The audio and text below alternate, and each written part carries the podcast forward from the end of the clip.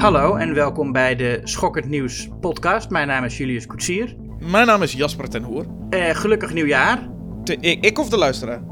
Allebei. Oh, de beste wensen terug. Ja, nee, luisteraar. Ja, ook een heel gelukkig nieuwjaar. Ik hoop dat je eh, eh, de beste wensen hebt gehad. Ja, Jasper, hoe is het verder? Ik ben blij dat het einde van het jaar erop zit. Hmm. Waardoor ik niet zo weer bezig hoef te zijn met... Oh, ik moet nog die films uit 2022 eh, kijken.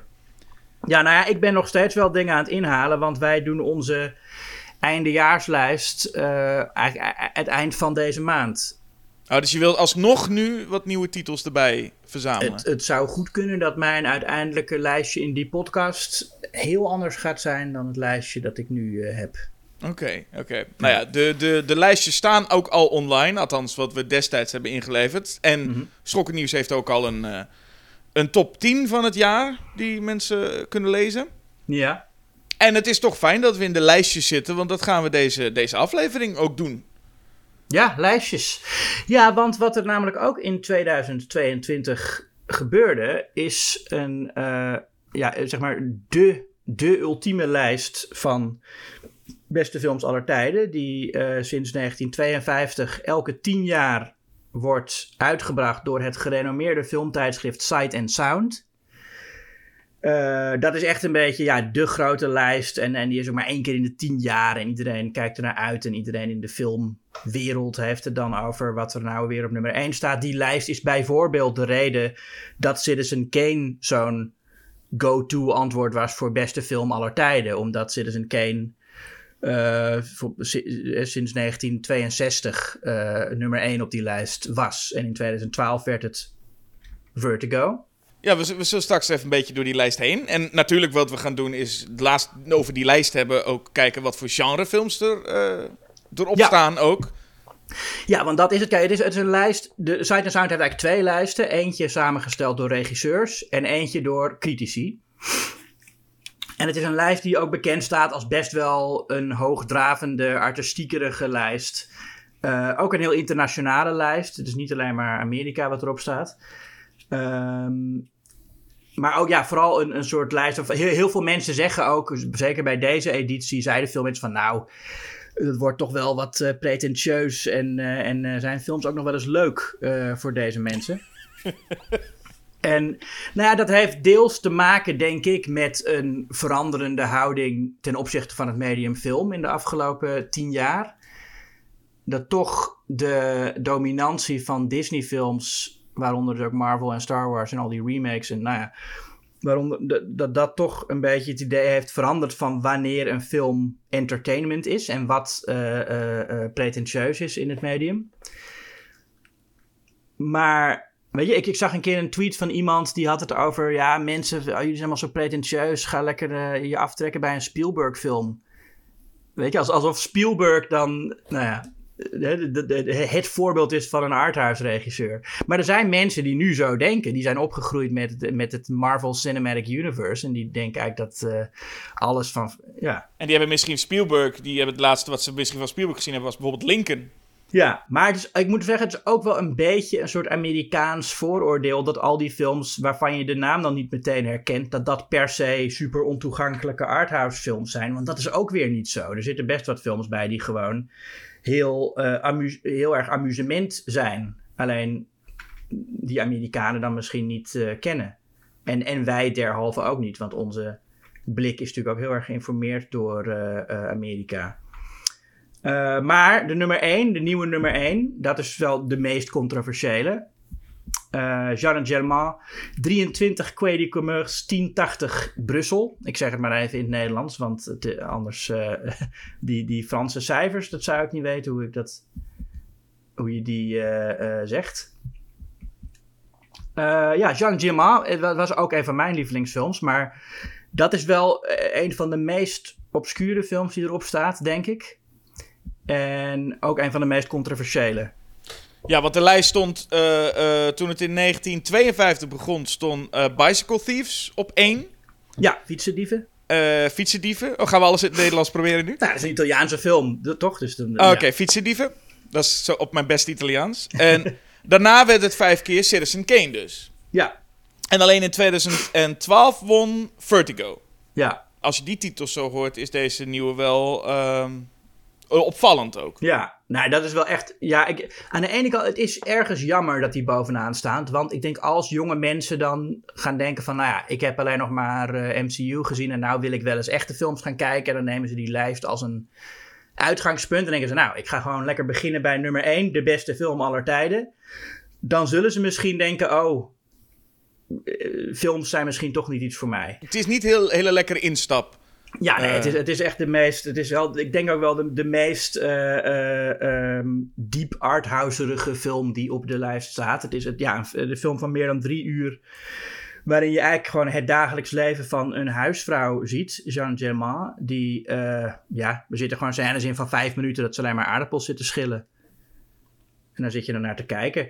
En dat, maar dat is, dat, is, dat is geen amusement. Maar eh, als je weet dat dat is wat het is en dat je daarna gaat kijken, dan is dat ook niet saai. Want je, je bent dan daarop voorbereid en je gaat in die wereld, althans ik ga dan in die wereld zitten en ik ga denken van oké, ik ga nu gewoon het leven van die vrouw ervaren en daar zitten met haar.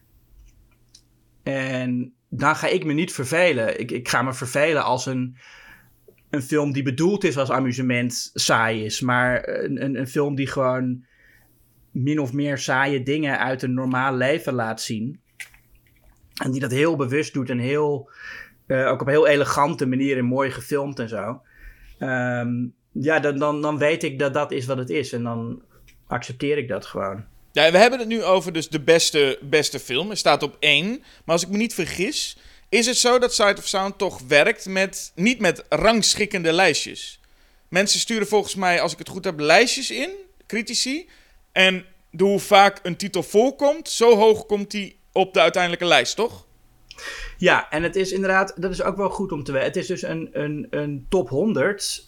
Maar ze sturen er natuurlijk, eh, critici sturen geen 100 films in, ze sturen er 10 in.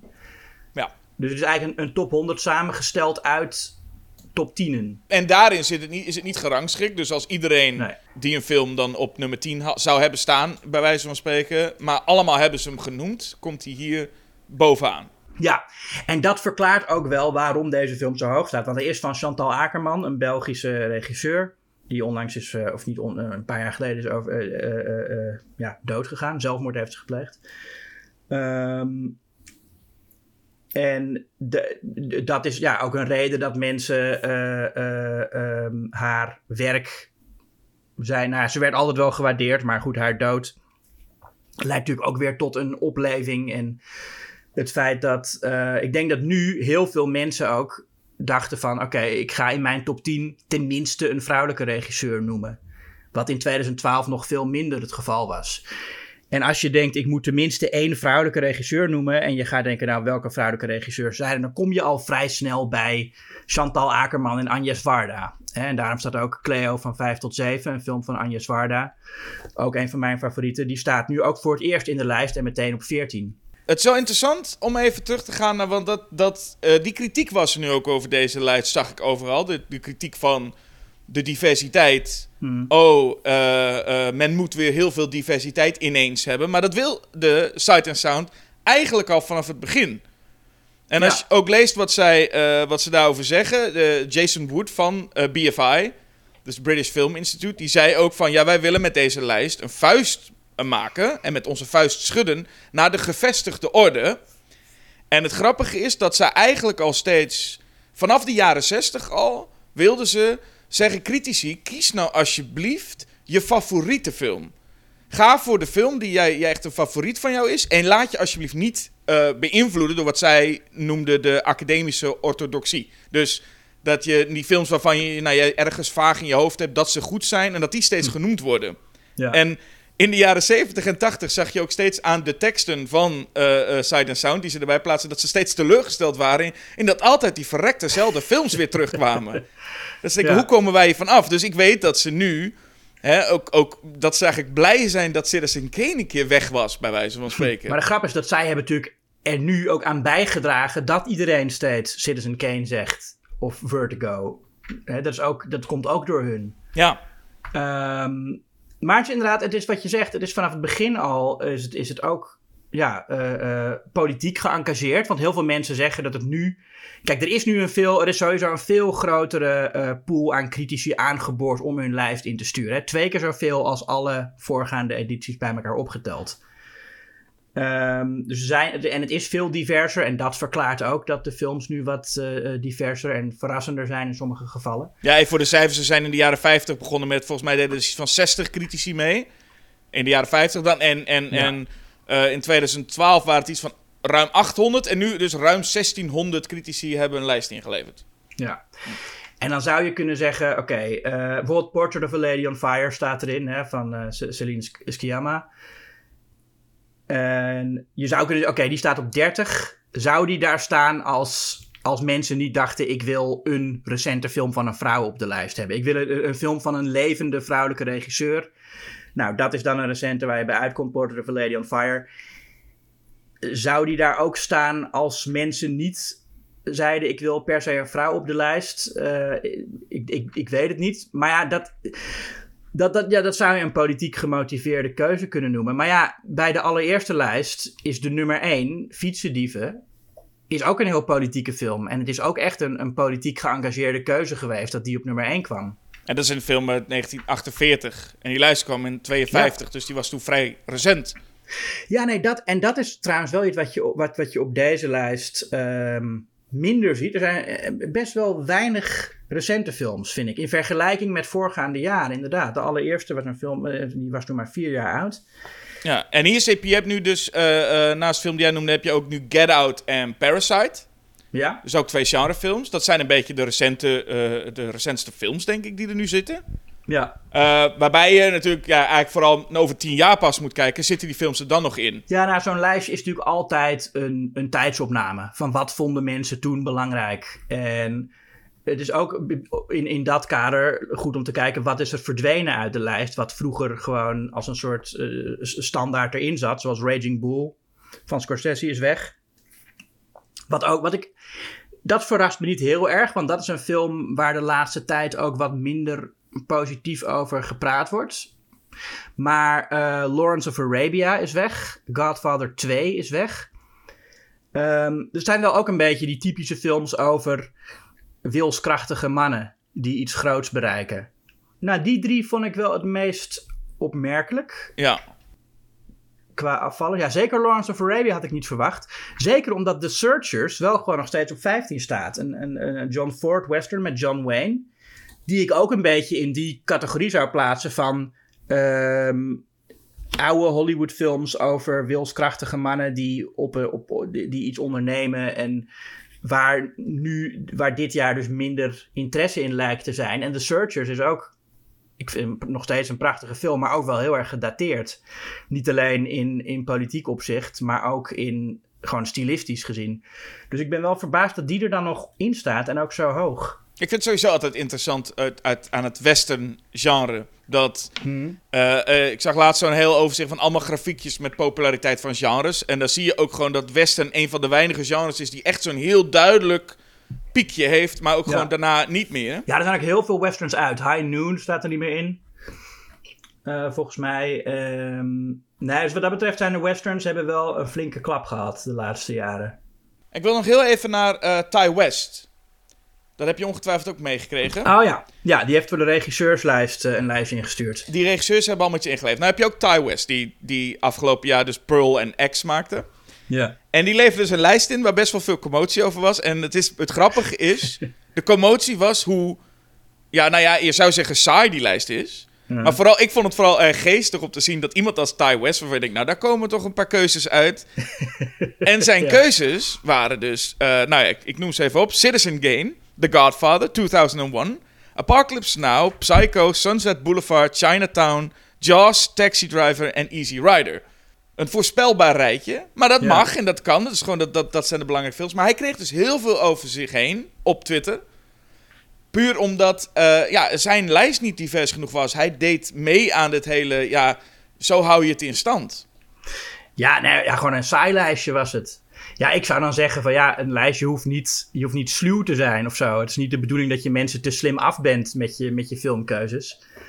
Uh, ja, het zijn allemaal heel goede films. Ik bedoel, dat, dat is gewoon zo. Waar Sight and Sound zich eigenlijk ook voor, als je hun teksten ziet, tegen verzet van... wij willen juist die nieuwe, gekkere uh, titels, want wij willen juist een, een vuist maken, zoals ze het zelf noemen, tegen hmm. deze voorspelbare, nou ja, Godfather, Apocalypse Now. Nou, en zeker als je, een, als je regisseur bent, um, kan ik me voorstellen dat je denkt van ik ga, ik ga gewoon heel idiosyncratisch. Ik bedoel, Wes Anderson bijvoorbeeld, die had gezegd van ja, uh, zo'n lijst is altijd gek. Ik heb gewoon dit jaar alleen maar Franse films gekozen.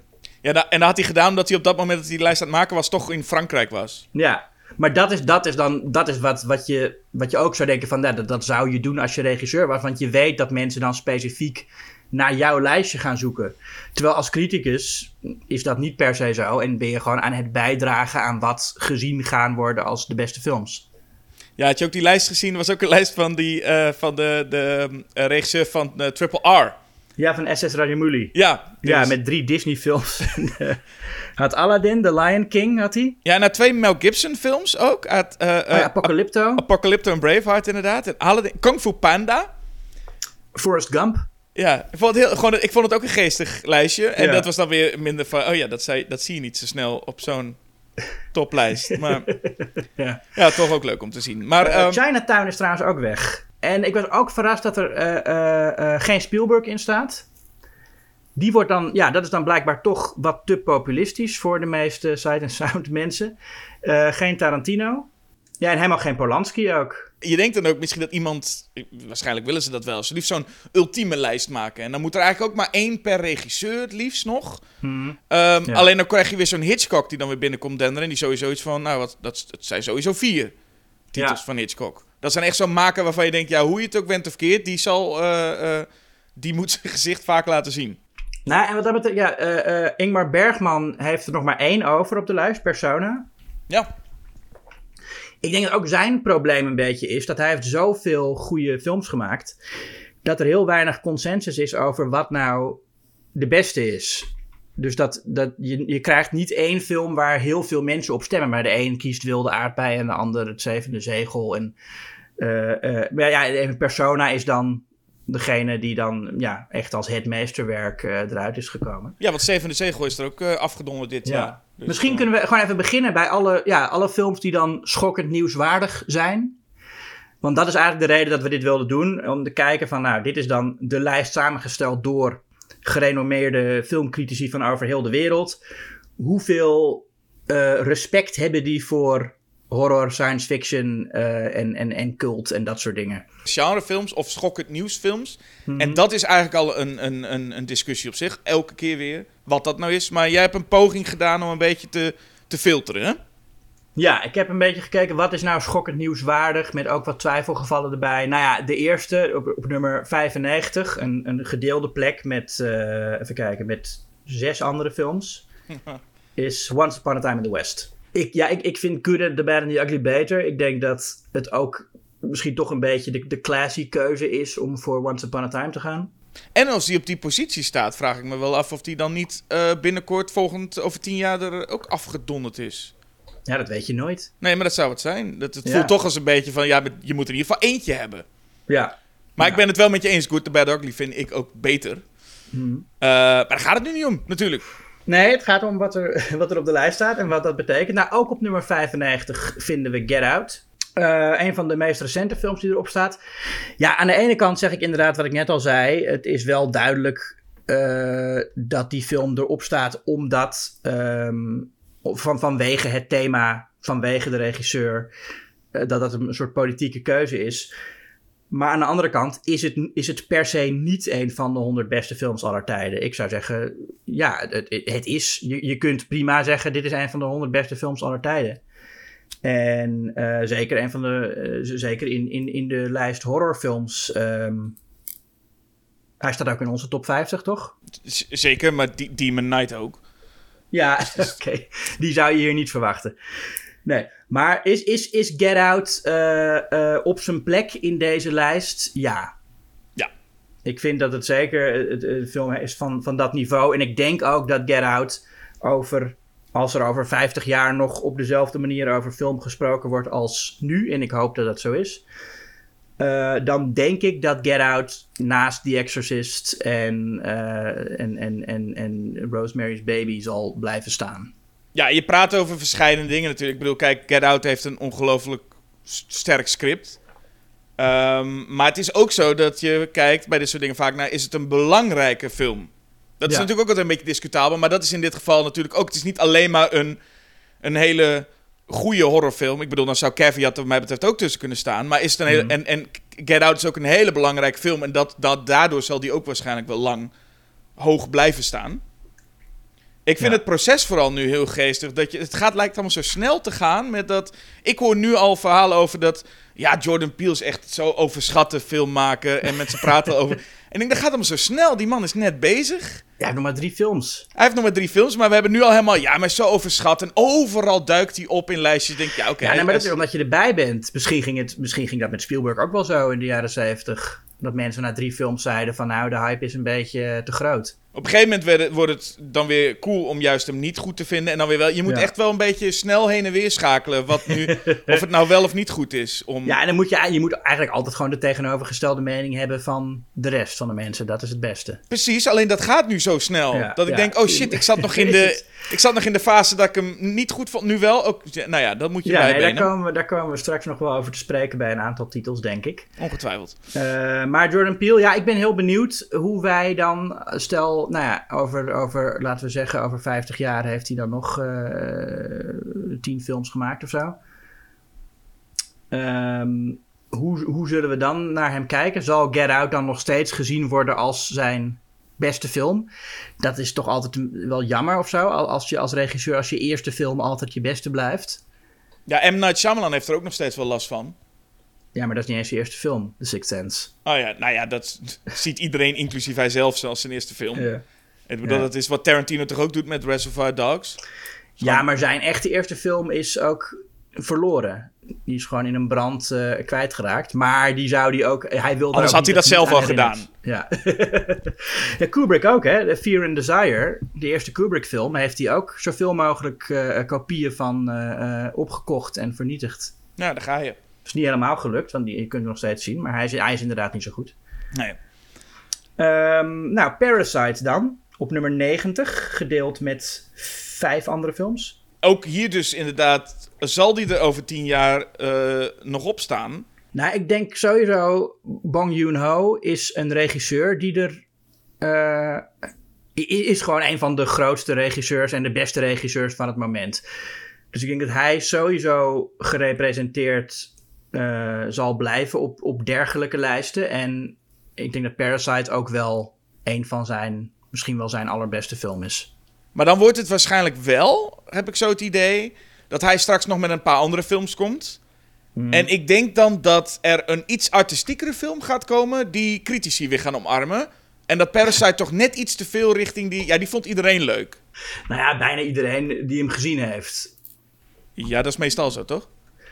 Nou ja, nee, maar goed, het is niet. Het is, ik vind Parasite is, het is niet echt een, uh, een. Het is wel een, grote hit geweest, maar het is, niet, het geen enorm mainstream succes of een allemansvriend of zo.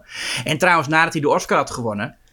Uh, gingen behoorlijk wat mensen hem kijken die meteen al riepen van... Oh, is hij ondertiteld? Oh jee. En, en die uiteindelijk maar niks vonden. Maar goed, in onze kringen, in, in wel ingelichte kringen, Jasper, is, die, is het inderdaad een, uh, een alomgeliefde film, ja. Ja, maar kan het ook weer iets te veel gaan naar een soort van crowd... Ik hoor nu, en ik ben hmm. zelf deel daarvan, maar niet om die reden... maar ik hoor nu dat The Everything Everywhere at Once, All at Once... ook een beetje nu al wordt gezien als de, die overschatte film. Nou ja, wat het is met Everywhere, uh, uh, everything, all at, everything Everywhere All at Once... is ook dat die film is... laatst was er een ding op Twitter dat heel veel fans van die film hem heel agressief verdedigen... En dat dan allemaal andere. Dan kwamen alle critici met hun eindejaarslijstjes. En dan zeiden mensen van. Oh, Everything Everywhere All at Once staat er nu op. Wat een waardeloze kutlijst, man. Flikker op. En ook van. Oh, al deze, al deze titels ken ik niet. Waar is everything, Everywhere Everything All at Once? Maar, en ik denk dat dat ook mensen zijn. Tieners die opgegroeid zijn met uh, Iron Man en Avengers films. En die dan Everything Everywhere All at Once zien, omdat dat ook een, een, een multiverse film is die ook dingen heeft van superheldenfilms. En die dan denken, wauw, dit is de beste film aller tijden. Omdat ze gewoon niet gewend zijn om films te kijken die niet van Disney zijn. En zij, zij zien dat dan voor het eerst en denken ze, wauw, dit is amazing. Het zijn net, net zoals Tool-fans eigenlijk, hè? Van die, van die mensen die dan eh, eigenlijk alleen maar een soort ja, pop en nu metal. En dan horen ze de band Tool voor het eerst. En dat is dan zo anders voor ze. Dat ze denken, dit is gewoon de beste band ooit. En als je daar niet mee eens bent, hoe, hoe kan dat? En zij weten dan niet dat er nog een, een wereld is aan, aan andere eh, eh, kunst. Ja, maar het is toch lastig, want ik, ik moest heel erg lachen om één letterbox recensie van Everything Everywhere All Once. Die zei, ga snel kijken en geniet er even van voordat Twitter zegt dat hij overschat is. Ja. En dat is natuurlijk wel een beetje zo, dat je weet, Ja. zo'n film is dan... Het is geen hele grote mainstream popcorn film, zeg maar, de, een, nou ja, laten we het een Marvel film of Disney film noemen. Mhm. Maar het is wel wat een groot publiek eh, eh, eh, omarmt, waardoor automatisch weer critici weer er een beetje van denken, nee, nee, dan hoeft het voor mij ook weer niet. ja. Dus, en dat is iets wat ik bij Parasite naar voren kan stellen. Maar dan vooral als, als we op een gegeven moment van Bong Joon-ho een andere nieuwe film zouden krijgen. Dan heb ik het idee dat die misschien omarmd wordt. Van nou, dan wordt dit nu onze lievelingsfilm. Ja, maar eh, misschien is eh, Memories of Murder een eh, aardige kandidaat van, die, die al bestaat van, eh, van Bong Joon-ho. Ah, dat die weer opnieuw Dat gewaardeerd. critici die weer eh, de beste gaan vinden. Dat zou heel goed kunnen. Dat is wel een goede, ja. Ik denk niet dat Okja het in ieder geval wordt. nee. Nee. die vind ik er ook heel leuk, maar dat Ja. is wel echt zijn, zijn Spielberg-film, zeg maar. Ja, dat is dan nu weer juist goed, hè? Dat we juist als critici nu gaan zeggen, nee, Okja is de beste. Dat moet nou eigenlijk weer doen.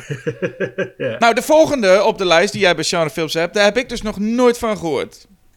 Ugetsu Monogatari. Zeg trouwens niks hoor. Doe, doe nu net alsof dat heel wat is dat ik er niet van gehoord heb. Ik heb best wel veel. eh, ik heb eh, gezien op Letterboxd dat ik van de hele lijst 38% gezien heb, maar. Van de hele, hele sight en sound. Dus. Ik, eh, ik ben benieuwd hoeveel ik ervan gezien heb. Ik, ik heb ook lang niet alles gezien hoor. Maar deze film wel. eh, Ugetsu Monogatari van Kenji Mizoguchi. Ehm een van mijn lievelings, zou ik zeggen. Ja, ik heb, het is een beetje een twijfelgeval. Het is een, eh, een spookverhaal. Maar het is niet eng. De spoken zijn, ook, zijn, zijn, zijn niet echt griezelige eh, verschijnselen. Het, het, het is een oorlogsverhaal. Het gaat over mensen die in de oorlog in, in Japan in... ehm, God, hoe heet dat tijdperk? Nou ja, ergens rond 1500 was er een hele lange oorlog in Japan. En, eh, en eh, het gaat dan over, over eh, twee mannen eigenlijk, die allebei heel sterke ambities hebben. Eentje wil, met, wil voor een samurai gaan werken. En hun vrouwen die ze dan achterlaten. En ehm, ja, ik moet niet te veel verklappen hoe het zit qua wat de geesten dan komen doen. Maar er zitten geesten in, maar dat zijn niet per se kwaadaardige entiteiten. Ehm, het is een heel mooie film, vind ik. Die ook. Wat me vooral aanspreekt, en dat is op zich ook wel verrassend in de lijst, is de, de, de simpliciteit van eh, hoe die film naar mensen kijkt. Het gaat dus over, over mannen die uit ambitie best wel slechte dingen doen. Maar uiteindelijk kunnen ze toch weer vergeven worden. En, en gelooft de film heel erg in de goedheid van de mens en de mogelijkheid van de mens tot groei. En eh, het, het laatste, het laatste, de laatste scène is echt prachtig en, en, en heel ontroerend. Maar op een hele Spielbergiaanse manier. Ehm, dus ook best wel sentimenteel. Dus dit is ook zo'n film waarvan ik denk... mensen die deze film niet gezien hebben... denken dat het een heel pretentieuze keuze is. Maar het is echt een hele leuke, vermakelijke eh, film... die, die ja, ook wel echt eh, effectief sentiment heeft. Ja, dat is mensen die dan zeggen dat het een pretentieuze keuze is. Doen dat niet omdat ze de film weten waar de film over gaat, maar meer ik ken hem niet, dus dan is het een pretentieuze keuze. Ja, Japanse film uit 1953. Ik ken hem niet. Nou, ja, ga hem vooral kijken. Hij is echt leuk. Iets minder eh, pretentieus is dan The Shining. Ja, Ik was bezig, ben ik nog wel verbaasd eigenlijk dat die er dan in, nog in zou zitten. ik werd er ook echt verbaasd over op 88. Ik denk dat er heel veel critici zijn die ook dachten... ik wil van elk genre wat erin. En ik wil ook echt een horrorfilm erin. Ik denk dat dat ook echt een, echt een gedachte is die heel veel mensen hadden. Dus, en dan is The Shining ook, ja... Dan, dan heb je meteen en een Kubrick en een horrorfilm. Dus dat is twee voor één. eh, ik denk dat heel veel mensen zeggen... ik wil tenminste een Kubrick en ik wil tenminste een horrorfilm. Dus dan heb je ze allebei met The Shining. Ja. Ehm, ook een film waarvan het een tijdje niet populair was om hem goed te vinden in, in echt hardcore cinefiele kringen. Of in elk geval te zeggen van nou, dat is wel een van Kubrick's minder geslaagde, meer commerciële films. Ja, Stephen King die voelde zich de hele tijd hip toen dat... Uh... ik was de eerste die het zei, jongens. Nou, maar dat, trouwens, Pauline Kael had het ook al gezegd. In die tijd was het niet een heel goed ontvangen film, The Shining. Nee. Ik vind hem geweldig. Ja, ik vind het echt een meesterwerk. En het, het kan me nooit wat schelen wat, uh, hoe, hoe de wind staat, Jasper, wat betreft The Shining. Ik zal hem altijd in mijn top 10 beste horrorfilms hebben. En wat doet, zo'n, wat doet die documentaire nou met jou dan? Als je zo'n documentaire ziet als Room 237. Ja. Wat doet dat? Als je, als je dat gelul ziet van al die mensen die, die de film, nou ja, analyseren met als je dit op de kop houdt. Wat doet dat? Doet, doet, dat, af, doet dat afbreuk met voor jou? Nee, helemaal niet. Nee, dat, nee die film, uh, die documentaire gaat over wat die film, wat The Shining kan doen met mensen. En, en dat er mensen zijn die zo gefascineerd raken door de wereld van The Shining. En daar allemaal onzinverhalen bij verzinnen. Ja dat, dat gebeurt niet bij elke film. Er zou iets in zitten dat hij heeft meegeholpen aan de maanlanding. Hè? Aan, aan, de, aan de zogenaamde maanlanding. Want de mensen zijn helemaal niet op maan geweest. Hij liet weten, ik heb het gefilmd door iets met een trui. En nou ja, goed. Ja, Danny had een trui aan met Apollo 13 of zo. Ja, ja, ja. ja. Wat, wat het leuke aan die, aan die maanlandingscomplottheorieën is... Qua technologie was het in die tijd niet mogelijk om het zo te faken als ze het gedaan hebben. Mm dus die, die special effects om zo overtuigend uh, iemand die op de maan loopt te doen, dat hadden ze toen nog helemaal niet. Dus het was niet, het was, mensen die niet geloven in de maanlanding zeggen al dat ze hadden toen niet helemaal nog niet de technologie om dat te doen. Maar ze hadden juist niet de technologie om het te faken. Klopt. En Kubrick was zo'n perfectionist dat hij waarschijnlijk alsnog had gedwongen om het wel echt op de maan te filmen. ja. Nou, dan, dan de volgende. Uh, nummer 84. Ik heb hier Blue Velvet staan. Ja. Maar er zit nog eentje tussen waar ik nog nooit van gehoord had. The Spirit of the Beehive. Ook nummer 84, ja. Maar laten we het eerst even hebben over, nou ja, Blue Velvet dan. Het is, eigenlijk dat, het is jammer dat dat nu zo overdone is. Dat uh, gedoe van, uh, uh, ja, in de suburbs onder, onder de schone schijn ligt. En dan zie je dat, dat er zo inzoomt op dat gras met die, met dat, met die mieren eronder. Ja, inmiddels is het zo dat als je ook maar een film aanzet en je ziet zo'n wit tuinhekje met zo'n gezonde, dan denk je, oh god, daar gaan we. Ja, daar, zal vast een seriemoordenaar zitten. Dat, dat kan niet goed zijn. Nee, als je, als je nu dat shot zou doen met waar die camera op dat gras inzoomt, dat zou, uh, ontzettend, dat zou verschrikkelijk zijn. Ja, ik denk dat we inmiddels weer toe zijn aan de kastelen. Gewoon... Terug naar de, naar de, naar de spokenstelen. Ja. Of juist, eh, ik, ik vind dat er nog te weinig echte stadshorror is, moet ik zeggen. Maar dat is een ander onderwerp. Kunnen we misschien een andere podcast aan wijden. Mm The Spirit of the Beehive, ja, die hebben wij dus wel een keer besproken in het blad. Wat? Oh, ik, ik wil zeggen, dat heb ik nooit over gehad. Maar ja, Spirit of the Beehive, wat is het? Nou ja, het is een Spaanse film, uh, gesitueerd ten tijde van het, het einde van de burgeroorlog, dus in, 1940. Toen Franco net aan de macht was, uh, van Victor Eris. En het gaat over een meisje dat geobsedeerd raakt door de film Frankenstein.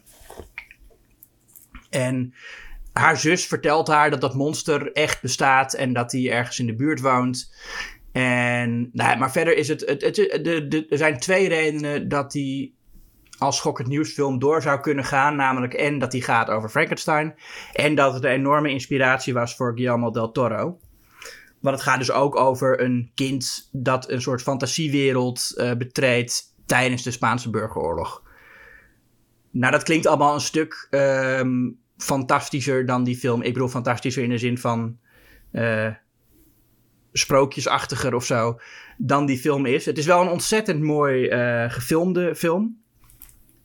Spirit of the Beehive. De, de, de, dus, en, en je voelt je ook soms ook echt alsof je in een bijenkorf zit qua kleurenpalet. Het is een soort honingachtige uh, sfeer hangt er door die, door die hele film. De prachtige beelden van of het nou binnenshuis is of, een, of, of, of in een bos of een, of een, of een veld het heeft allemaal een soort fijne honingachtige kleur. Um, en ja, het is een heel mooie, bijna minimalistische film eigenlijk. Maar ik zou, het is absoluut geen schokkend nieuwsfilm. Ook al hebben we hem besproken. Uh, waarom ik hem dus ook op de lijst had gezet. Uh, ik zou het absoluut niet als een schokkend nieuwsfilm kwalificeren. Niet? Nee. Dus goed dat we het nog even benoemen. Ja, dus mocht je nou je moet absoluut die film gaan zien, maar verwacht niet dat het echt uh, dat het Pans Labyrinth is of zo. Dat, dat, dat, is het niet. Nee, precies. Uh, sowieso liggen er een paar titels, uh, zijn altijd een beetje twijfelachtig. Wat we zeggen, er is, er is elke redactievergadering hebben, is er altijd wel weer een is dit nou wel of niet zo'n titel. Ja. En de volgende zou je kunnen zeggen, ja, Sunset Boulevard is volgens mij ongetwijfeld ook wel discussie over geweest. Um, ja, op nummer 78. Ja, wij hebben hem besproken in de podcast, dus ik vind dat hij erbij hoort. Maar um, nee, ja, dat is altijd even een twijfelgeval. Maar um, uh, dat hij erin staat in de lijst trouwens niet. Nee. Uh, nee, is ook niet. Het is, is het de enige Wilder? Oh nee, The Apartment staat er ook in. Nee, The Apartment sowieso. Maar alsnog te weinig Wilder. Ja. Ik vind de vuistregel moet zijn meer Wilder dan Hitchcock op zo'n lijst. er zou sowieso vijf moeten zijn. Je zou, je zou zeggen dat Some Like It Hot misschien wel zijn populairste film is. Volgens mij is The Apartments zijn meest... Ja, wel, Sunset Boulevard ook wel. Dat zijn wel echt zijn twee meest aangehaald als, nou ja, meest best bekritiseerde, denk ik. Ja, ik zou tegenwoordig ook uh, Ace in the Hole in dat rijtje scharen. Ace in the Hole zou ik erin gooien. Double Indemnity ook. Hmm. En Witness for Prosecution zou ik er ook gewoon bij doen. Ja. Wat dat betreft ben ik het wel mee eens. Ik vind Some Like It, It Hot ook wel een van zijn mindere. Ik vind het ook echt wel zijn mindere, maar heel veel mensen vinden, hem, vinden dat een uh, absolute... Hoewel ik erg fan ben van Marilyn Monroe en zij is fantastisch in die film. Absoluut. Nee, ik ben ook een enorm fan van Jack Lemmon en die is ook fantastisch in die film. Dus wat dat betreft niks... Uh...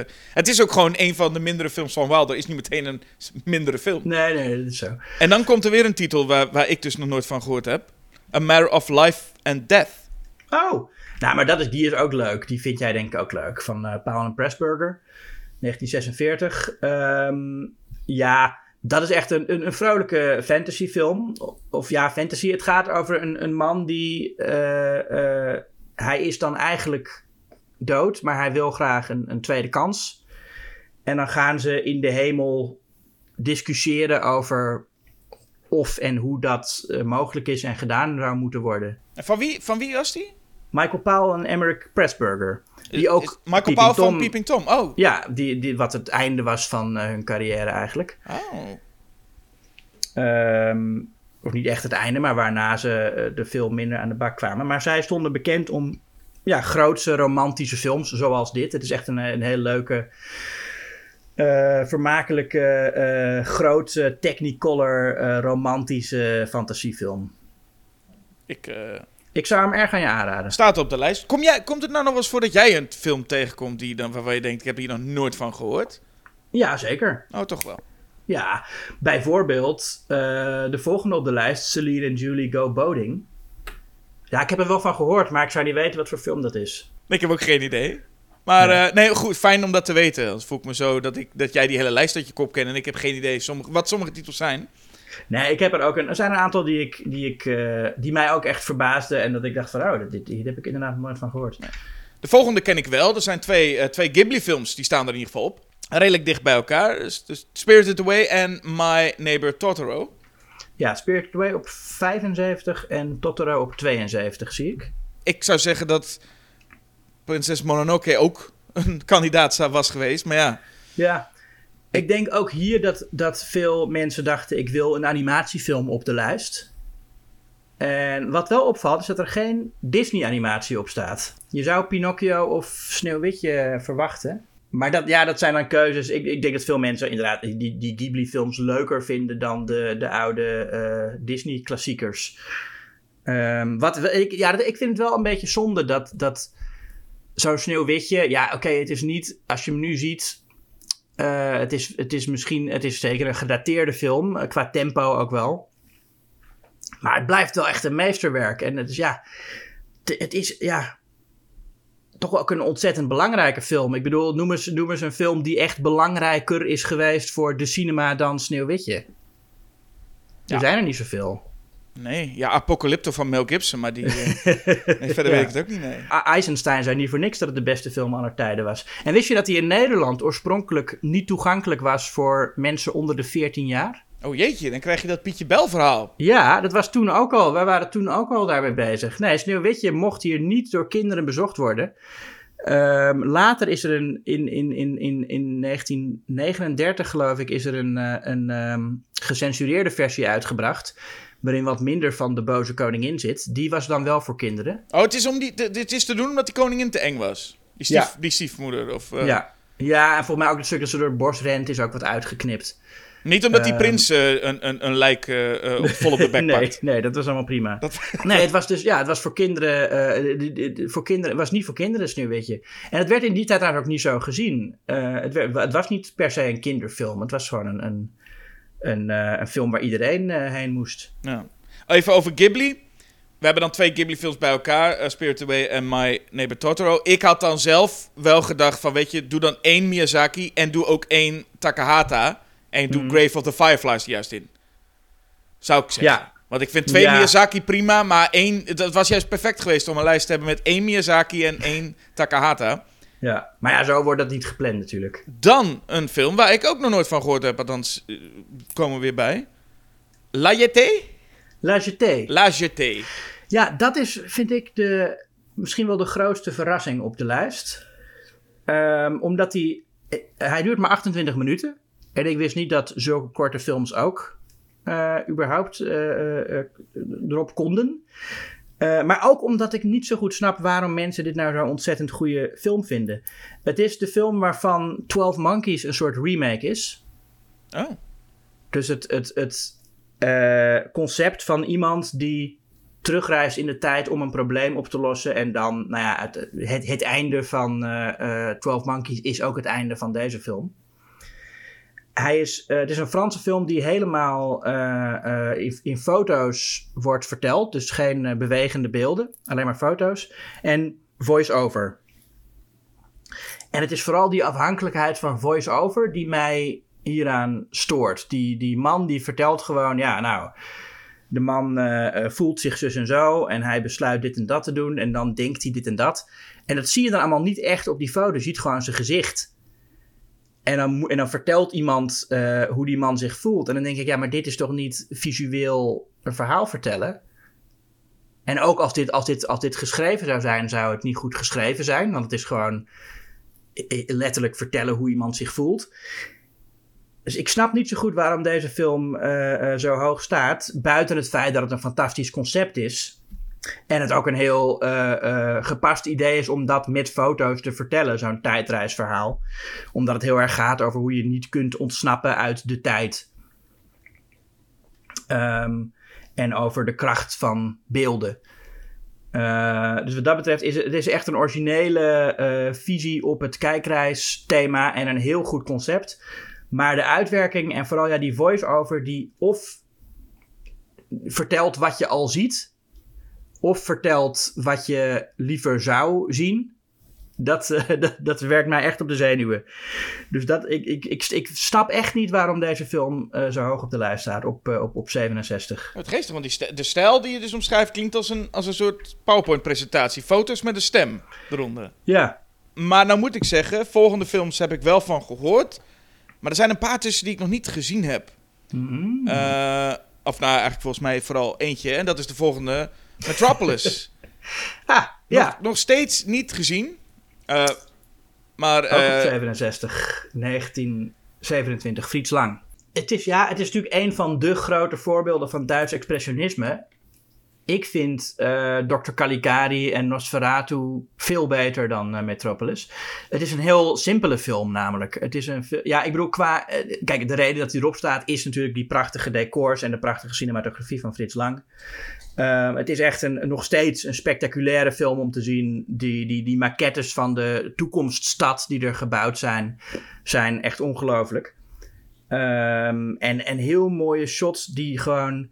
Je ziet ook vaak niet de grond of de lucht in die film. Je zit echt in een soort, in een soort brei van gebouwen. Je weet niet hoe hoog die gebouwen zijn en op welke verdieping je zit. Eh, het is echt een, een prachtige eh, eh, stadsfilm wat dat betreft. Maar het verhaal is heel. Nou, ten eerste, hij is hij, de, de, de, de ehm, meest complete versie van de film is nu al iets van 2,5 uur of iets langer. Dat is nog niet eens de helemaal complete versie, want de versie zoals die oorspronkelijk was, die eh, ehm, is verloren gegaan. en eens, eens in de zoveel tijd, eens in de tien jaar, wordt er dan weer ergens vijf minuten opgedoken en worden die dan toegevoegd. En hebben we een nog langere versie. Dus wie weet zal ooit de complete film vertoond worden.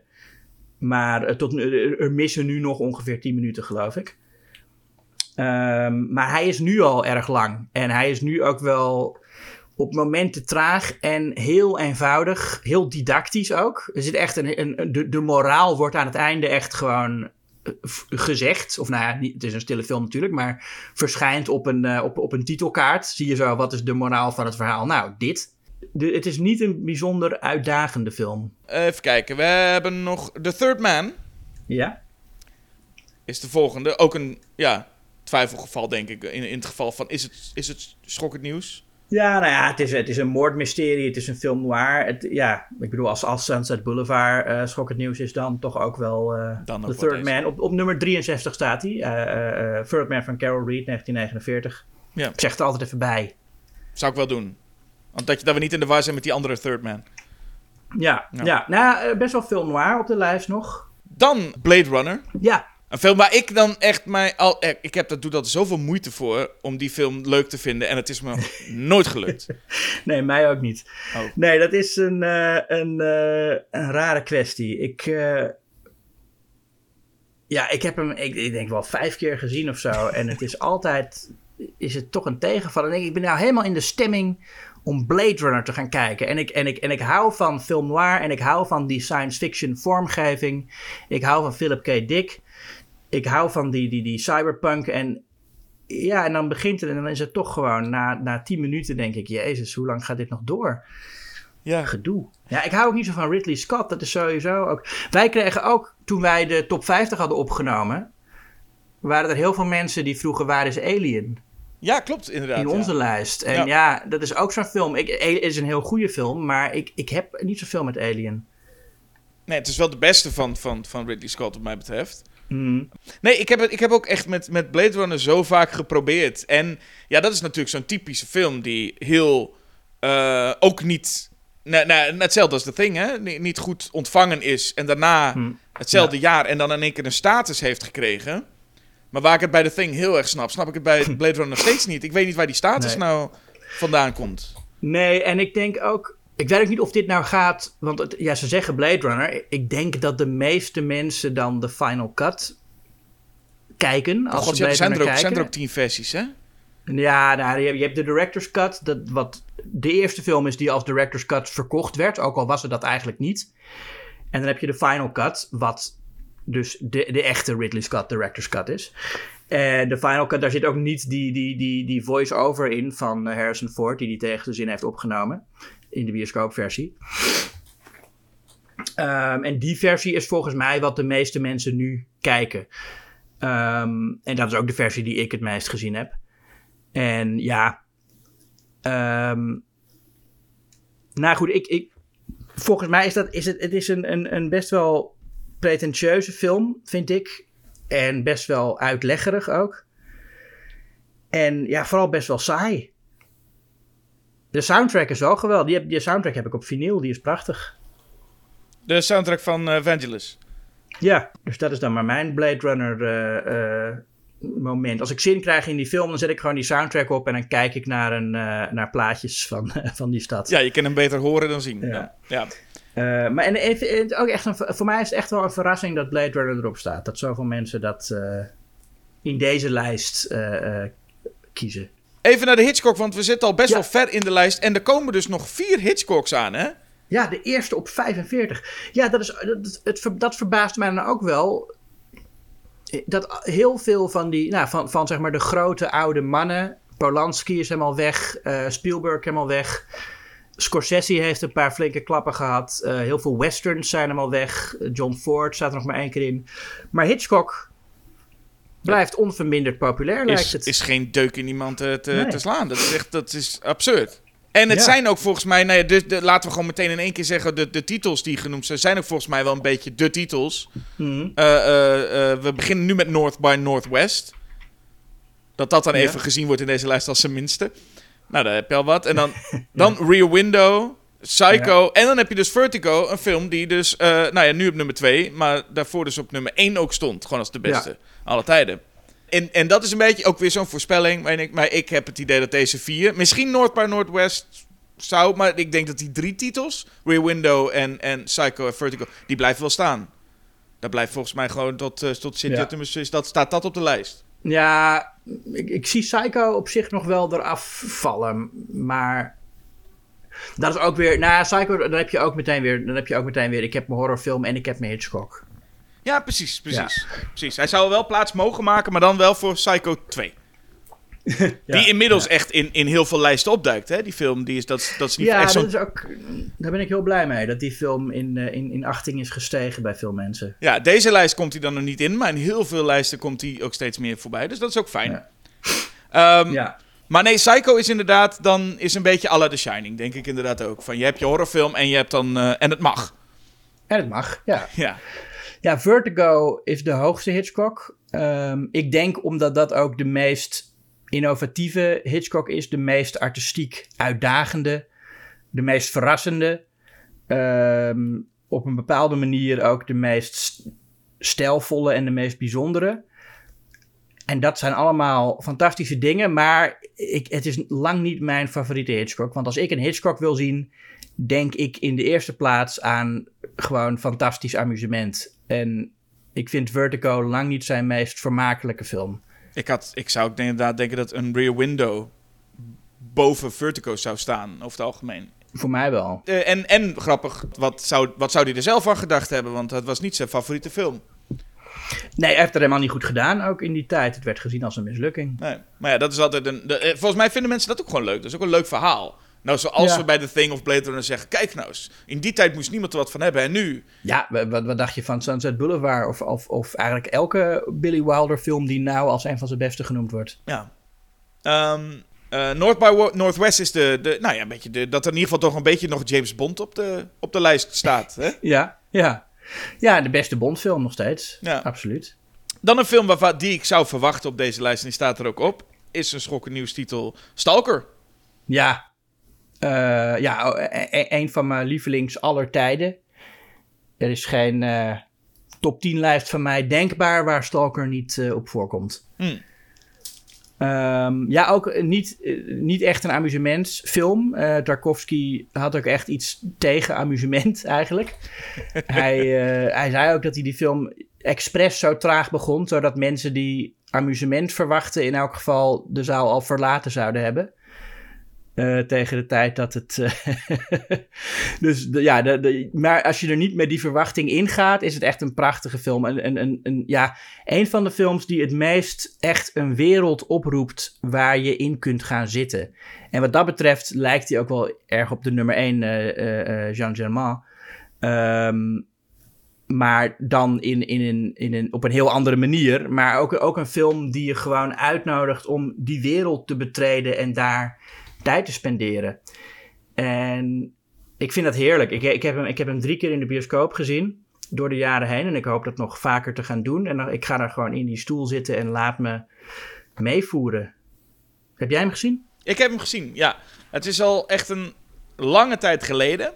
Wat het dus voor mij wel interessant maakt, is dat ik nu eh, zelf ook een beetje ga denken van... zat het nou in die film of heb ik dat nou het gedroomd? Het, zeg maar, het, het, mixt een beetje, omdat je niet helemaal precies meer weet... wat er nou wel of niet in zit. Hmm. Uh, maar ik ben een beetje bang om hem wel terug te gaan kijken.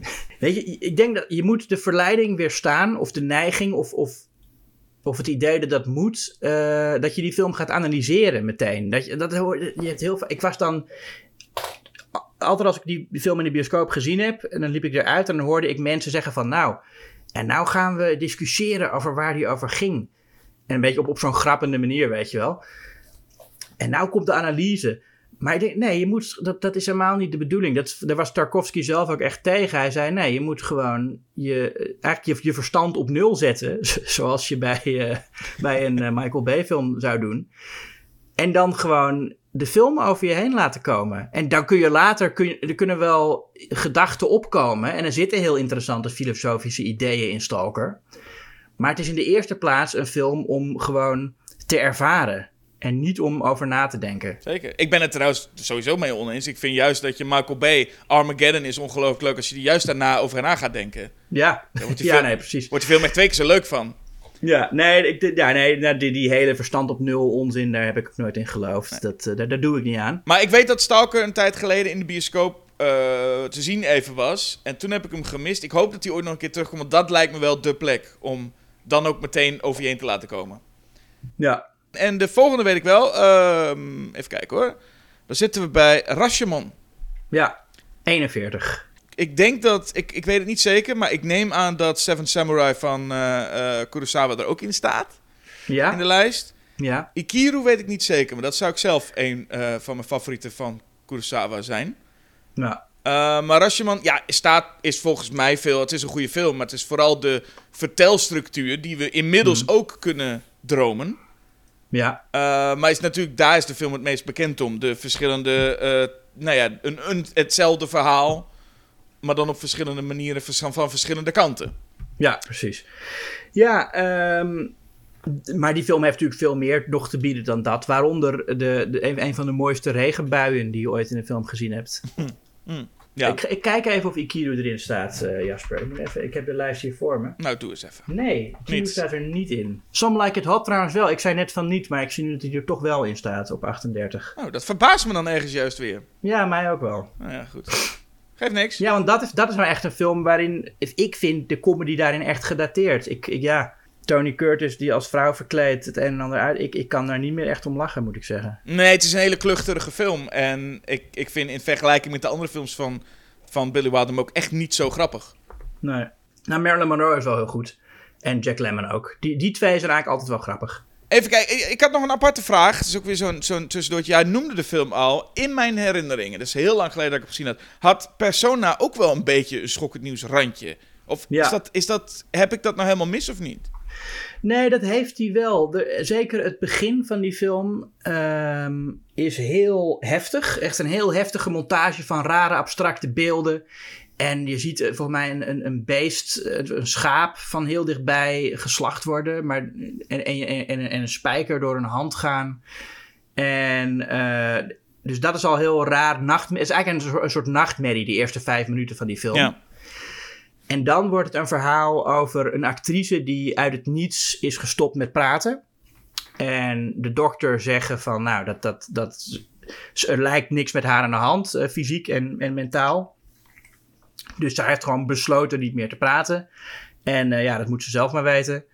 Eh, maar wij gaan daar verder geen, geen aandacht aan besteden. Dus ze moet maar weg. Ze, en, waarschijnlijk zal ze beter herstellen in een of ander hutje samen met dan een zuster. En die zuster die gaat dan zichzelf verwarren met haar. En gaat een beetje eh, ja, ze, eh, eh, haar identiteit aannemen. Ja, en ik weet nog, in ieder geval dat is het enige. Ik heb hem nu ingepland dat ik binnenkort wil ik die weer eens opnieuw gaan kijken. Maar ik kon me nog ergens herinneren, hij stond niet in jouw selectie. Maar ik dacht, en volgens mij is dit ook wel, schuilt hij ook wel tegen schokkend nieuws aan. Ja, ik heb hem uiteindelijk niet in de selectie opgenomen, inderdaad. Maar het zou, het, je zou dat goed kunnen doen. Het is zo, ja, het is ook een van mijn lievelingsfilms. En ehm, hij is ook lekker kort. Dat vind, ik vind het wel fijn aan veel van dit soort films. Eh, zoals Rashomon ook. Eh, het is gewoon onder de 90 minuten. Ja, dat is ook En je hebt heel vaak bij mensen die denken dan van nou, zo'n Ing- Ingmar Bergman, dat is toch een beetje een huiswerkfilm, weet je wel. Van ja, het, het moet. Eet je groente, het is goed voor je. Ik zal me prettig voelen als ik die film gezien heb, dan heb ik hem maar gezien. Ja. Maar je ziet er dan wel tegenop. En dat herken ik zelf ook wel bij bepaalde films.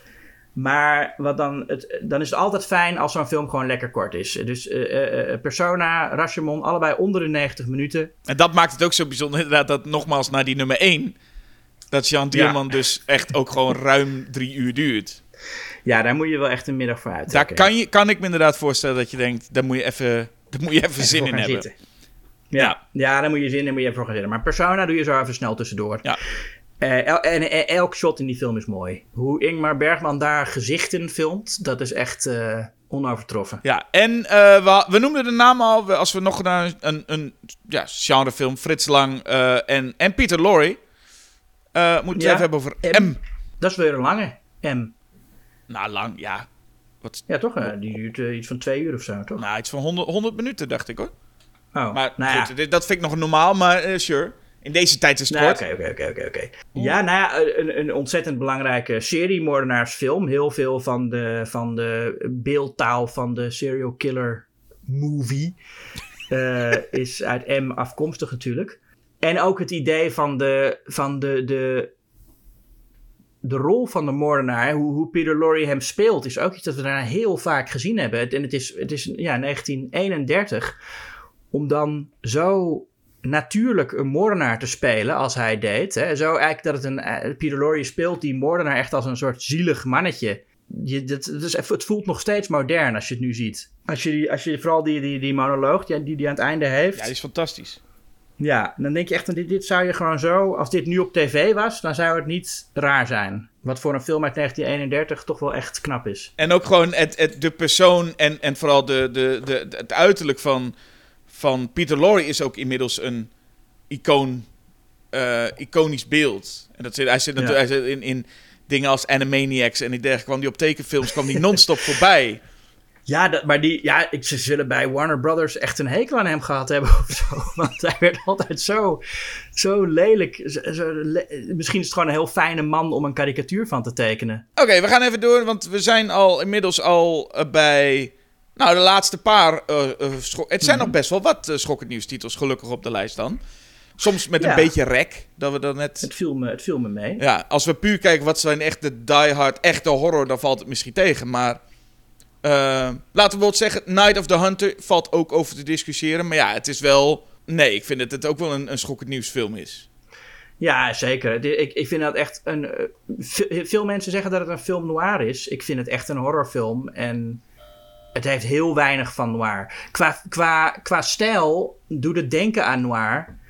Omdat het ook geïnspireerd is door Duits expressionisme. En, en die hele harde belichting en, en ex- expressieve schaduwen en zo. Ja, maar ook als je kijkt, er zijn weinig dingen in films zo imponerend. En ook in horrorfilms dan Robert Mitchum in deze film. Ja, Dit is, als je dit achter je aan hebt, dan zou je bijna denken... Nou, geef me dan maar, eh, geef me dan maar Michael Myers. Dit Ja. is echt een, een, een, een doodenge gestalte die achter die kinderen aan zit. Dus ik ben het 100% mee eens, ja. Ja, en het, eh, het- ja, 1955, dus dat is ook wel de noir tijd. En hij is in zwart-wit en hij heeft die, die, die visuele stijl die ook aan film noir doet denken. Eh, maar qua thema is hij juist heel, eigenlijk heel lief en optimistisch aan het einde. En het gaat over kinderlijke onschuld. En dat maakt het voor mij geen noir. Noir is veel pessimistischer en cynischer over de wereld. En Night of the Hunter is eigenlijk, hoewel de film gaat over een priester of iemand die zich voordoet als priester. Of nou, hij is wel echt een priester gewoon. Die eh, vrouwen vermoordt. ehm, is het uiteindelijk toch wel een, een heel optimistische film. Het gaat over twee, ja, die twee kinderen die gewoon heel weerbaar zijn, toch? En, en, en die bij een goede vrouw ondergebracht worden. En dan wordt het echt een soort sprookje. En het is gewoon spijt, of spijtig. Ik ben, was heel benieuwd geweest als Charles Lawton meer films had gemaakt. Maar dit is gewoon zijn enige film die hij geregisseerd heeft. Ja, eh, ook door de pers helemaal afgemaakt, waardoor hij geen zin had om er nog een te maken. En dat is toch heel jammer. zonde. Ja. Stomme pers. Stomme pers, ja. Nou ja, maar nu, nu is het weer de pers die dan toch zegt... het is eh, nummer 25 van de 100 beste films ooit gemaakt. Ja. Dus ja, Maar ja, nu is hij dood, dus daar hebben we niet zoveel meer aan. daar heeft hij niks meer aan. hè? Nee. En wij ook niet, want het is niet alsof hij nu nog iets kan maken weer. Van wat zat er meer nog in? Ja, ja, ja. Maar nog, nog even, ik zie er nou... Ja, als jij Persona als twijfelgeval noemt... kan ik ook wel zeggen dat... Nou ja, Passion of Joan Arc? Ja, Ja, dat dacht ik al wel. nou ja, omdat dat ook eh, eh, best een gruwelijke film is vooral. Zeker. Als je het over intense, eh, mooi geschoten close-ups, et cetera, hebt, dan moet je deze film ook even noemen, ja. Ja, en als je het hebt over. ehm, nou ja, de, de, de- gewoon. Ik, het, is, het is heel. Qua geweld is hij, is hij zo anders ook of zo. De- ik bedoel, aan het einde wordt zij, en dat is niet echt een spoiler, want we kennen het verhaal van, van Jeanne d'Arc. Aan het einde wordt ze gewoon verbrand. En dat ziet er zo nog steeds. eh, is dat he- helemaal niet gedateerd. Nee, je zit echt met het gevoel... Wacht even, hebben ze, ze, ze hebben toch niet echt... Ze hebben toch niet echt Ze iemand hebben toch echt iemand Ja, in de fik gestoken? Zo'n gevoel krijg je nog Nou, wat, wat ze wel echt doen namelijk is een aderlating. Op een gegeven moment wordt, dus wordt iemand wordt ze in, de, in de ader gestoken en dan komt er bloed uit. En dat is gewoon echt. Ja. Heb, heb jij hem met muziek gezien? Eh, ja, ik heb hem met muziek gezien, ja. Oh nee, ik heb hem, ik heb hem stil gezien. Dat, je moet eigenlijk, ik zou hem het liefst gewoon echt in de bioscoop in complete stilte zien, zoals hij echt moet. Holy shit, ja. eh, ja. Ja. daar moet je ook klaar voor zijn. Ik, Ja. weet, niet of ik, daar, ik Ja. weet niet of ik daar al ben. maar eh, als, Kom je wel. als ik ooit zover ben, dan, eh, dan geef ik een geel. Eh, ik vind Zeven Samurai trouwens ook wel een, een schokkend nieuwsfilm te noemen. Het is een actiefilm met, met samurai, ja. ja, en het zijn er zeven. En het is nog steeds spectaculaire actie. En het is ja, een film die 3,5 uur duurt, maar met een enorm tempo. Die film die vliegt echt voorbij. En eh, heeft eh, ontzettend spectaculaire eh, gevechten en, en achtervolgingen en zo. Ja. Maar dan, de meer, de meer zekere schokkend nieuwstitels. Op nummer... en ik vind het hoog. Niet, niet omdat ik de film... Maar ik vind nummer 8 Mulholland Drive. Ja, Ja, dat is, dat is niet dat ik de, de film niet gun, maar het... net verrassend hoog. verras- zeker. verrassend hoog, ja. Ja, nee, toch, toch, ja. Ik denk dat dat, dat, dat dat toch de lynch is voor mensen. Dat mensen die denken, ik wil er een lynch in, dat, dat die toch bij Mulholland Drive uitkomen. Ik vind het wel leuk dat David Lynch ook zo belangrijk is in, in, de, in de popcultuur nog steeds. Zeker. Hoewel hij toch, hij wordt eigenlijk met elke film minder toegankelijk. Nou ja, behalve Straight Story dan, hè. Dat was even... Ja, straight, oké, straight, straight. Maar nee, inderdaad, als Ja. je dan eh, eh, Inland Empire daarna neemt, die niet op deze lijst staat, ook gek. Eigenlijk. Nee, en, en, en dan die tweede Twin Peaks serie. Ja, jeetje. Jeetje, Ja. zeg dat wel. Ja. Ehm, nou, dan iets wat, eh, eh, nou ja, waar we het onlangs nog over gehad hebben. En echt, dit is, dit is helemaal niet eh, schokkend voor iemand. Nummer 6, 2001 A Space Odyssey. Ja. Dat is, nou ja, die stond ook op de lijst van Ty West, dus dan weet je dat het gewoon een saaie keuze is natuurlijk. Nee, maar dit is, ja, is, het, is, dit is meer dan logisch. Ja, zeker. Ja, ja, ja, ja. Wat het mij ook opvalt, en hebben we het volgens mij ook wel even over gehad in, in de aflevering eh 2001. Misschien wel de enige van de eh, top 10 waar mensen het zelden over de hoofdrolspeler hebben. Dat is niet helemaal waar, want Man with a Movie Camera, man met een camera, eh, heeft, geldt het ook, maar om andere redenen. Maar in 2001 we hebben, we hebben het helemaal niet over, over, over Kier, eh, hoe heet die? Kier du, de, de, de La, hoe heet hij nou? Kier de Lana. Keer Dulea. Dulea, die ook in Black Christmas eh zit. Nee, maar je bedoelt dan de acteur of je bedoelt het personage? Nee, de acteur. Ja, ik snap wat je bedoelt. Gewoon meer het idee dat je denkt van... Niemand heeft het over Keer Dulea... die de hoofdrol speelt eigenlijk in een van de beste films aller tijden. Ja, precies. Ja, dat is inderdaad opvallend. Ehm, Zijn acteerwerk is ook absoluut geen deel van waarom die film eh, zo hoog staat. ik denk dat als het vervolg een succes was geweest... omdat hij daar wel echt terugkeert als zijnde... hier is het personage waar jullie allemaal op zitten te wachten... uit 2001 weer terug... Hmm. Eh, maar dat iedereen waarschijnlijk toen ook dacht van... Wie? Nou, ik denk dat... ik denk dat als dat... Ja, dan had het, had het misschien gekund. Maar nee, het is, klopt. Niemand heeft het daar... Iedereen heeft het sowieso gewoon over hell. En niet over ja. een van die ja, andere nee, mensen. dat- ja, en hij is goed hoor, Dulea. Ik bedoel, hij is niet, hij is niet slecht in die film, maar hij is hartstikke goed. Maar ja, Kubrick zet hem ook gewoon neer als een, een mens. Dat is wat hij is, dat is, dat is ook wat hij moet zijn. Ja. Sowieso is dat inderdaad... eh, je hebt het over 2001 en dan heb je het dus over Kubrick. En niet over de acteurs. Hmm. Ehm, hoewel, we hebben het nu... oh, ja, ik bedoel, als je zo die films langs gaat, heb je het over de maker. Je hebt het over Lynch. We hebben het niet over, ja. over Naomi Watts. Als we het- nee, we zeggen niet een nee. Maar ik wil er sowieso een eh, Naomi Watts film. nou. Peter Lorre hebben we het even specifiek over gehad. Ook al is dat, je kunt het ook over... Ja, en, en bij Singing in the Rain heb je het toch ook over, over Gene Kelly. eh, En, en ja, Ja. eh, ook als, als danser en niet alleen als regisseur samen met Stanley Donen. Nee, maar ik had het, het, het was wel leuk geweest als we nu zeggen... Nou, Mulholland Drive, je weet wel, met, met Justin Theroux. Wat Ja.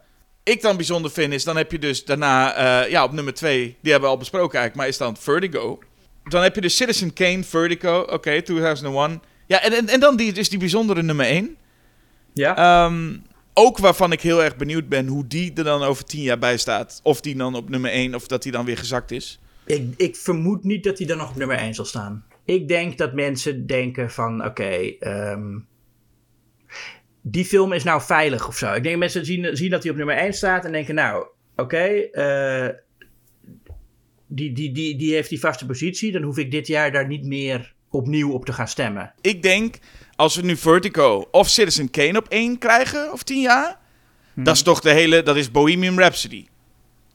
dan zegt iedereen, ja, maar daar heb ik ook geen zin in, toch? Ja, nou, ik, ik weet niet. Ik, ik, ik, nee. Misschien wordt het wel Tokyo Story. Maar precies, zoiets zou dan denk ik, beter. Of dat, dat waarschijnlijk is dat meer naar mensen. Of, of gewoon echt iets nieuws. Ja, een film die nog niet uit is. Dat zou helemaal wat zijn. Laten we dat eens doen. Ja. Ik bedoel, Fietsendieven was ook maar vier jaar oud, zoals we al zeiden. Dus ja, waarom niet? Nee, precies. Dus dat, ik, denk dat dat, ik denk dat we ook niet meer terug kunnen naar dat ineens weer Citizen Kane op één staat. Dan denkt iedereen ook. Dat, dat wil ik niet. Nee, dat moeten we niet hebben. Nee, Vertigo, ja. We, willen ook, we willen ook commotie, toch? We willen ook we willen dat, het, dat het niet saai is. En daarna gaan we klagen over waarom staat Tino weer op één. Dus het, is, het moet wat doen. En die voorspelbare Ja. lijst, dat is een beetje wat ik ook hoor... naar de hele kritiek van Ty West's lijstje.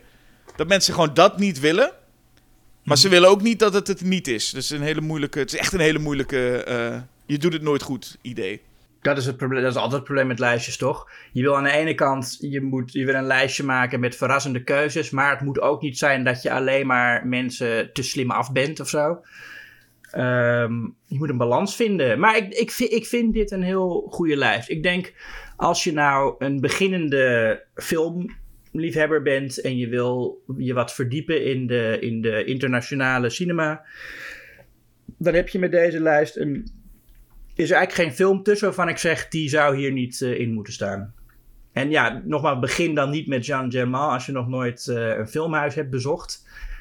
Maar ehm, je kunt prima beginnen met, eh met Ugetsu of met, nou, fietsendieven. Fietsendieven, is ook een mooi mee te Ja. beginnen. Precies. Ja. Nog even kort misschien.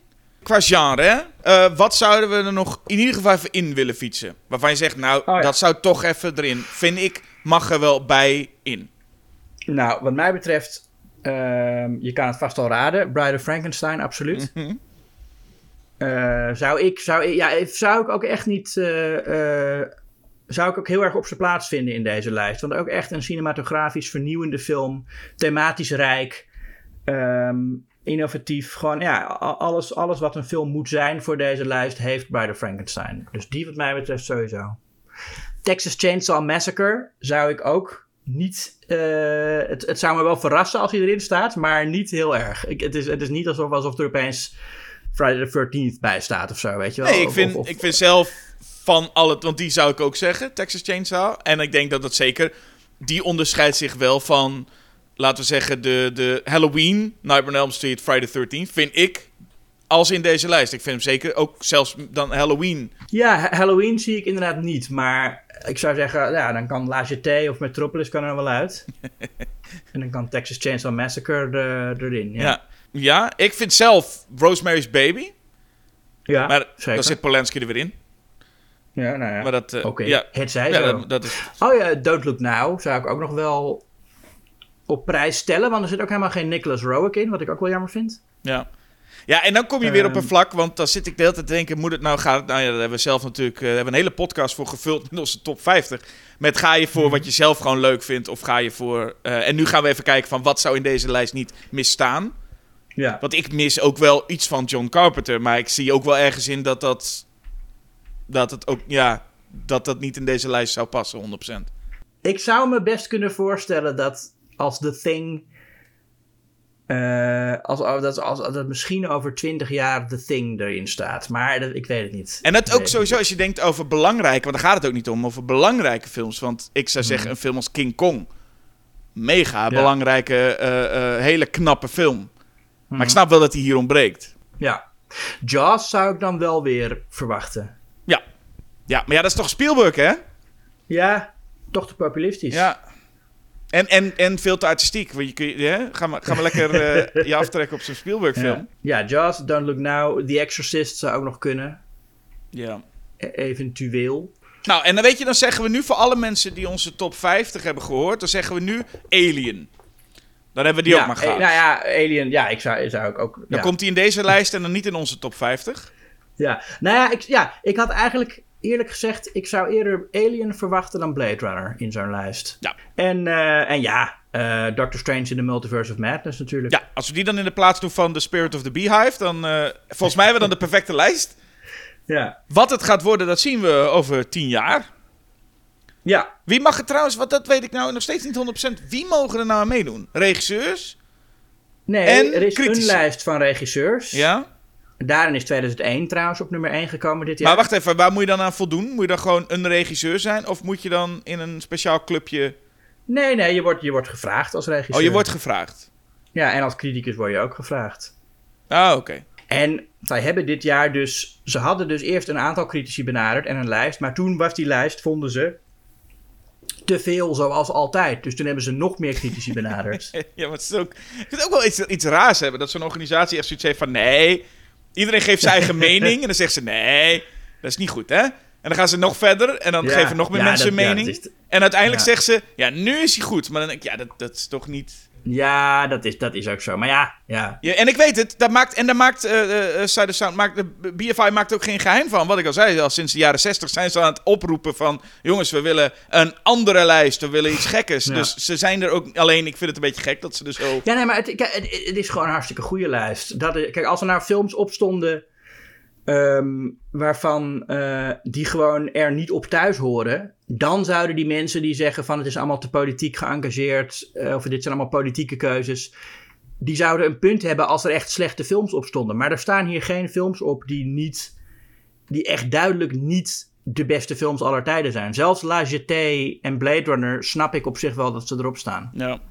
Dus het is, het is een, een, een, een goede lijst, eh, vind ik. Ehm, alleen, ja, jammer dat er toch relatief weinig te lachen en te huiveren valt. Dat wel. Verder een goede lijst, dus eh, fijn om voor mensen. Zoek het op en ga eh, zoek in ieder geval nog een paar titels. Maar ga eerst gewoon even langs eh schokkendnieuws.nl en ga die top 10 even bekijken.